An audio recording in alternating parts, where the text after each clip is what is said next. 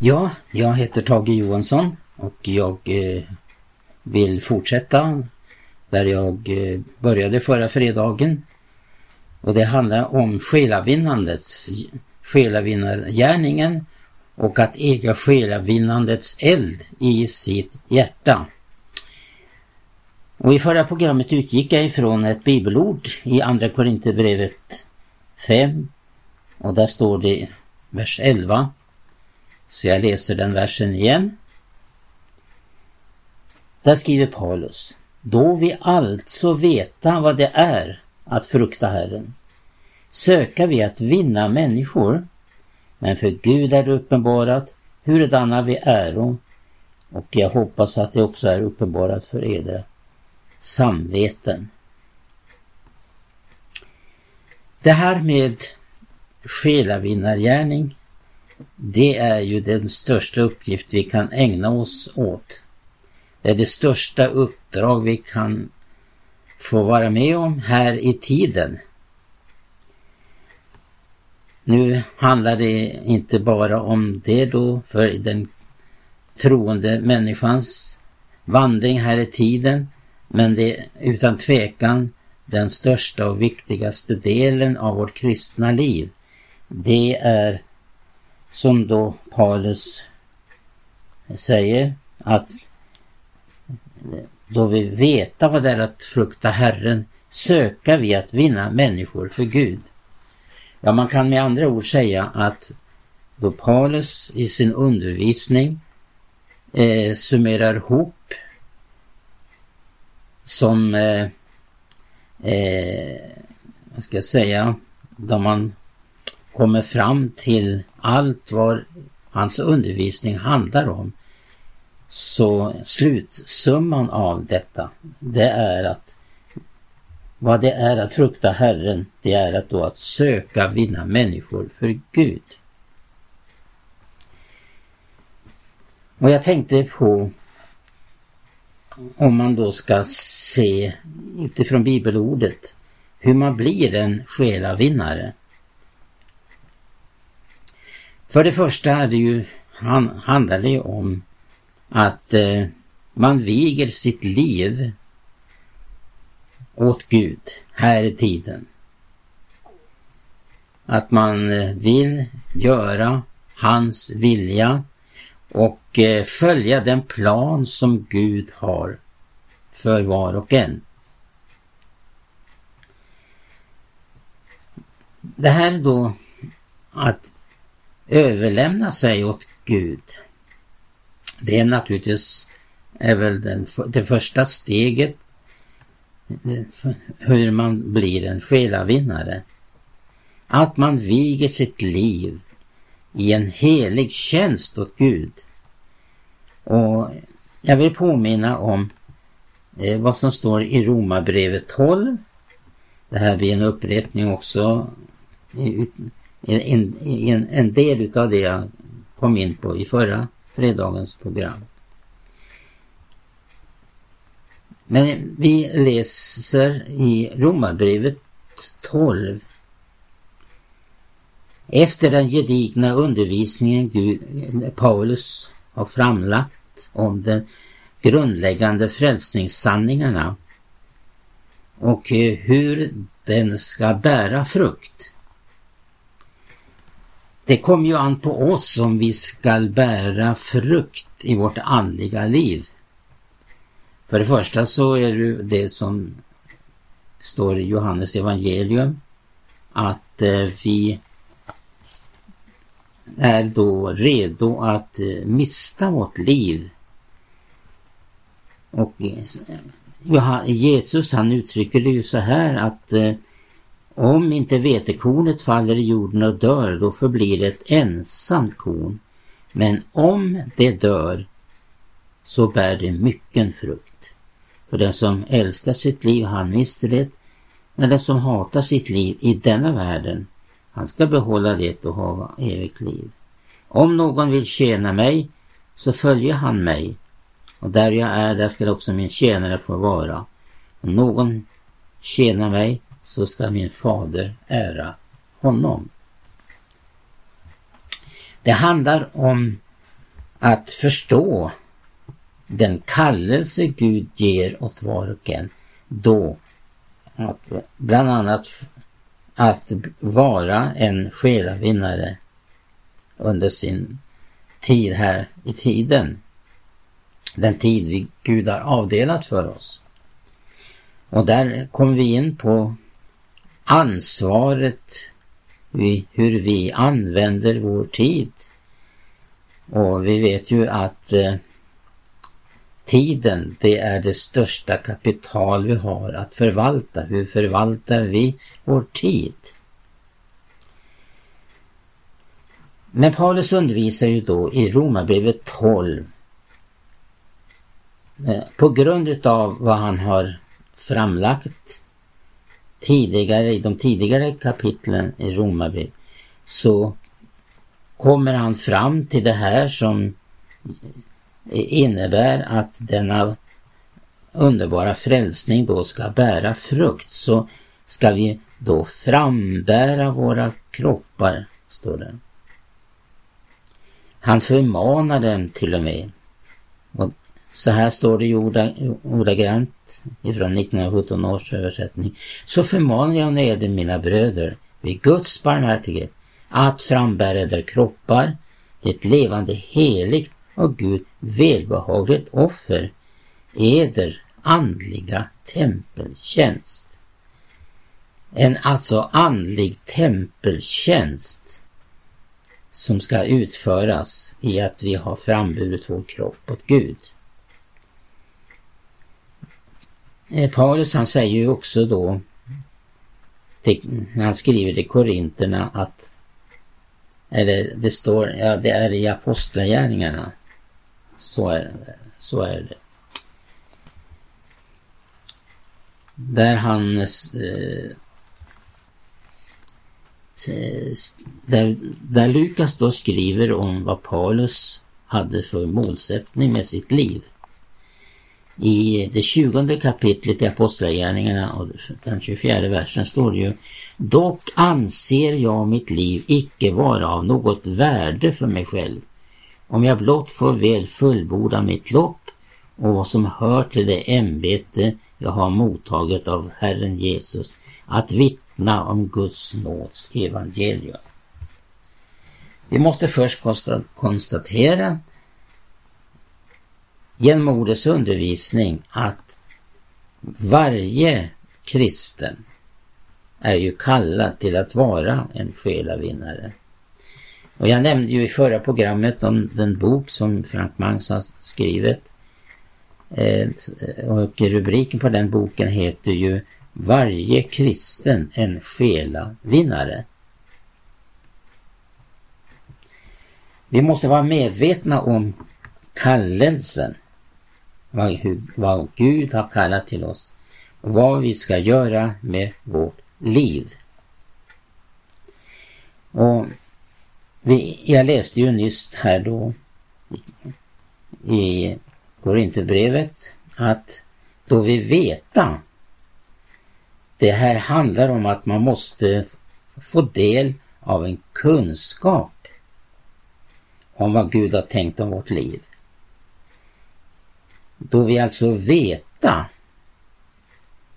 heter det. Vi måste komma till den insikten vad Gud har kallat oss till och eh, förstå att den kallelsen är riktad till varje troende människa. Varje troende människa är kallad alltså till att vara och bli en själavinnare. Ja, om vi ska fortsätta på det här då. Det som eh, jag nyss nämnde, hur man blir en själavinnare. Vi då kommer fram till att det handlar om ett överlämnande. Och man brukar kalla det för den heliga överlåtelsen. Man, man eh, mister sitt liv för att det ska komma in i någonting som är så meningsfullt och betydelsefullt att det är det största som kan hända med oss. det är att få göra Guds vilja med våra liv. Vi bör veta och vi, må, vi ska förstå att det är en kallelse det handlar om. Vi har blivit kallade till det här, att vara själavinnare. Jag vill bara också inom parentes säga det. Det kan vara viktigt i det här sammanhanget att eh, många kan man, må, vid många situationer kan man bli uppgiven och tänker på vi lever i en svår tid. Men för den skull så har inte den här kallelsen och uppgiften upphört för oss. Utan varför Jesus ännu inte har kommit det beror på att församlingen och den troende har fortfarande den uppgiften att fullfölja. Det är väl så att när, när alla har eh, fått eh, mottaga kallelsen eh, till att eh, få sitt namn skrivet i Livets bok och när den skaran är fulltalig som endast Gud vet eller har bestämt så kommer Jesus. Därför så kan man då förklara det här, vad det är att påskynda hans dags tillkommelse. Vi arbetar för det, vi kämpar för att skaran ska bli fulltalig. Ja, det är mycket intressant också att ta del av vad som har skrivits om detta ämne som har att göra med själavinnandet. Först ska jag be Gert att läsa ur en klassisk bok. F.G. Jonsson, svensk amerikan, som eh, eh, blev mycket känd både i USA och här i Skandinavien. Han skrev en bok som heter Brinnande hjärtan. Och han, vi ska, ska be Gertrud läsa bara ett litet kort stycke vad han menar med detta att ha ett brinnande hjärta. Om det är Guds kärlekseld som brinner i vårt hjärta för människors frälsning. Du kan mm. läsa det här stycket där. Ja. Det står Kristi kärlek tvingar oss. Där är elden som ger oss drivkraft en kraft som håller oss i rätt kurs i alla väder, som ger seger över alla era galenskaper. Men saknar du eld min unge broder, då blir ditt liv ett skeppsbrott.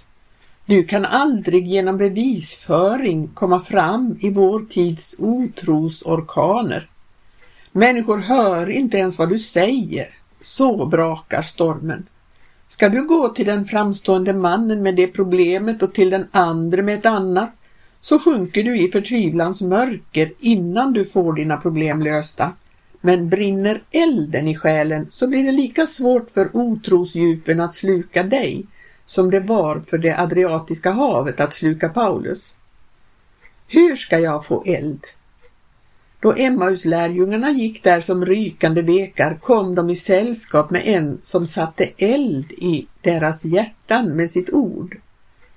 Voro icke våra hjärtan brinnande i oss då han samtalade med oss på vägen och uttydde skrifterna för oss, utropade det då de fingo veta vem det var. O du min tröttkörde, nerslagne, hopplöse, förkolnade broder. Du önskar att du aldrig hade blivit predikant. Du har rätt. En predikant utan eld är olyckligare än en gatsopare vilkens kvast är utsliten. Men du kan få sällskap med Herren Jesus igen och det i denna dag. Kanske står han där borta i hörnet nu och liksom Emmausbröderna känner du honom inte. Nu kommer han och gör dig sällskap på vandringen och då blir det eld i hjärtat och skrifterna blir såsom nya från Mose och profeterna och ända till Uppenbarelseboken. Broder söndagsskollärare, tar det eld i dig så kanske det tar eld i hela din klass. Och med det fnösket kunde det kanske sättas eld på hela församlingen. Och du gamle läsare med dina ofrälsta barn, om Jesusbranden kommer till ditt hjärta så som förr, då kanske dina böner skulle flamma ännu en gång så att barnen skulle viska något har hänt med far. Har kanske familjebönen de sista åren varit för dem som röken ur en vattendränkt askhög? Inte underligt då att de flyr då du tar fram Bibeln. Kan du undra på det? Vem tycker om rök i ögonen? Omkring en brasa som sprakar går det lättare att samla familjen, ska du få se.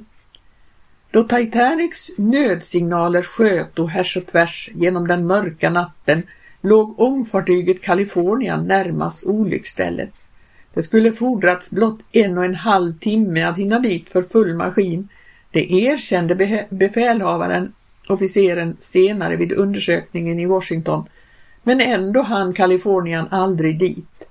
Varför styrde ni inte till olycksstället då det trådlösa telegrammet nådde er? frågade senator Smith vid undersökningen.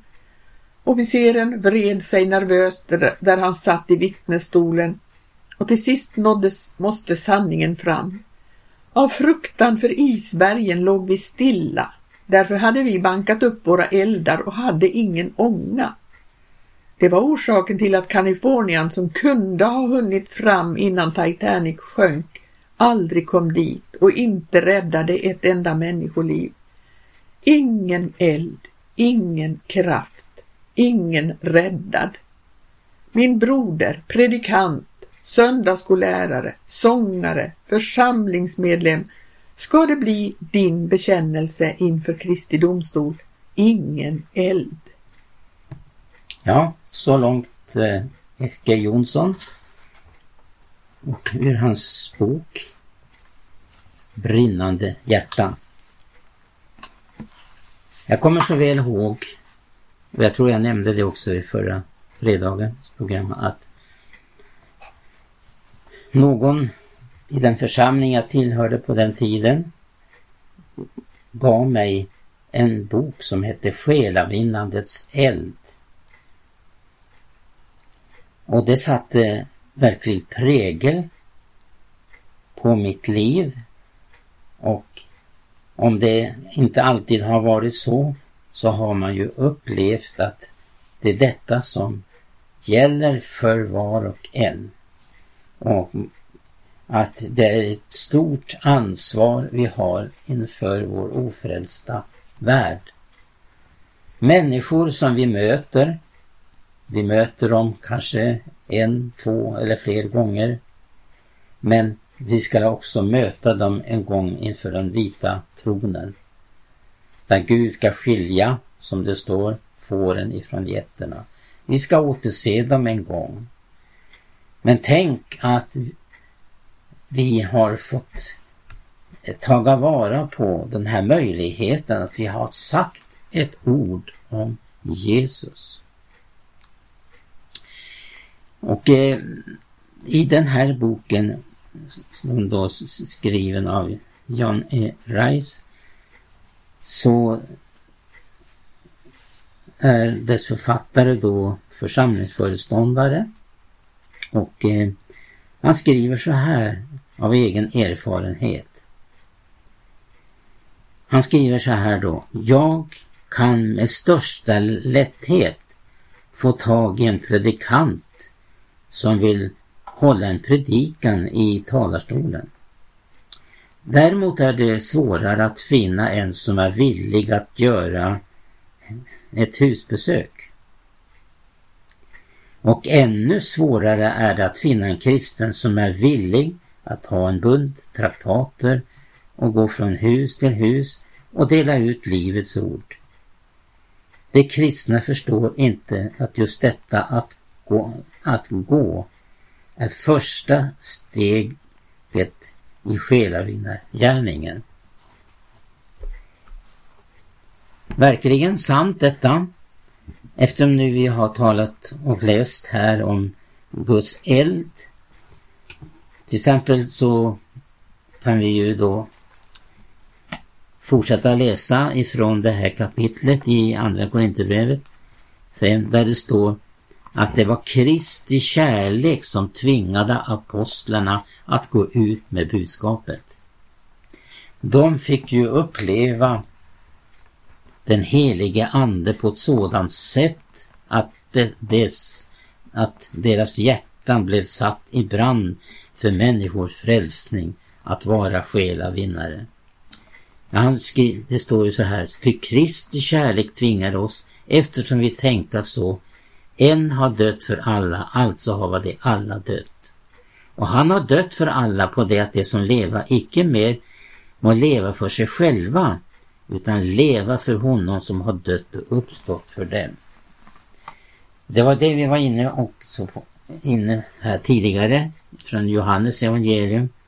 Det handlade om att mista sitt liv, för att överlämna sitt liv och för att inviga sitt liv åt denna heliga tjänst. När jag tänker på vad Oswald Smith skriver i en av sina böcker så var det en, en man med ett brinnande hjärta. Han antog en kallelse till en församling i Toronto i Kanada att bli dess föreståndare. Och i och med detta han antog kallelsen så beslöt han sig för att verkligen gå in för att träna, kan man säga, var och en av församlingsmedlemmarna att bli en själavinnare.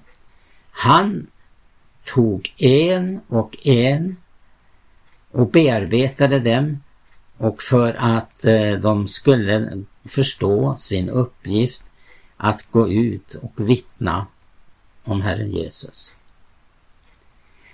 Han gjorde så tills han hade gått igenom hela församlingen som säkerligen bestod av eh, ett antal hundra medlemmar.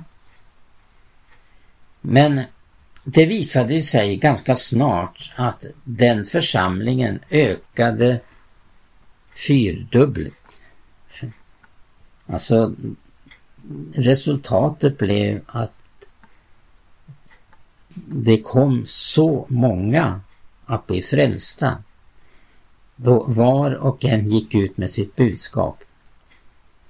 En kan ju ut, uträtta ganska mycket men då en hel församling kommer in i den tjänsten så kan de uträtta oerhört mycket. Där var och en går in för denna uppgift. När vi tänker på vad Guds ord lär om just detta med själavinnargärningen så, så äh, finns det ju då ting som är väldigt viktiga att ta fasta på. Hur man till exempel kan gå metodiskt tillväga. Det var väl därför den väckelse som en gång i tiden gick fram, bland annat i England framförallt, det var ju metodistväckelsen. Och eh, tyngdpunkten låg i detta med tanke på själavinnargärningen att man gick metodiskt tillväga. Och det är väl så att kärleken är uppfinningsrik. Och det finns alltid möjligheter till att vara en själavinnare. Jag kommer att tänka på den man som var sängbunden, låg på ett sjukhus i London, men som ägde själavinnande cell i sitt hjärta. Fastän han var sängbunden så vann han människor för Gud. Och eh, han gjorde på det viset att han bad dem sätta, sin, sätta hans säng in till ett fönster som kunde öppnas då när han eh, upplevde att han ville sända ut budskapet genom att han eh, la ut traktater som eh, singlade ner på trottoaren och på, på gatan nedanför. Och det visade sig också att han Eh, fick eh, uppleva att han vann människor på det viset. Det var ju naturligtvis inte metoden i sig själv utan det var ju brinnande hjärta som skapade metoden. Kärleken är alltså uppfinningsrik. Den finner alltid vägar. Alla kan få uppleva att gå in i den här uppgiften att vara själa vinnare. Gud välsigna dig och låt dig få ledas av den heliga Ande i denna stora underbara uppgift som ger livet så rikt innehåll. Och den största glädje som man kan uppleva här under vår vandring, det är just detta att vara en själavinnare. Det är den största glädje vi kan uppleva i vårt förvaltarskap. Vi välsignar dig och vi hörs igen.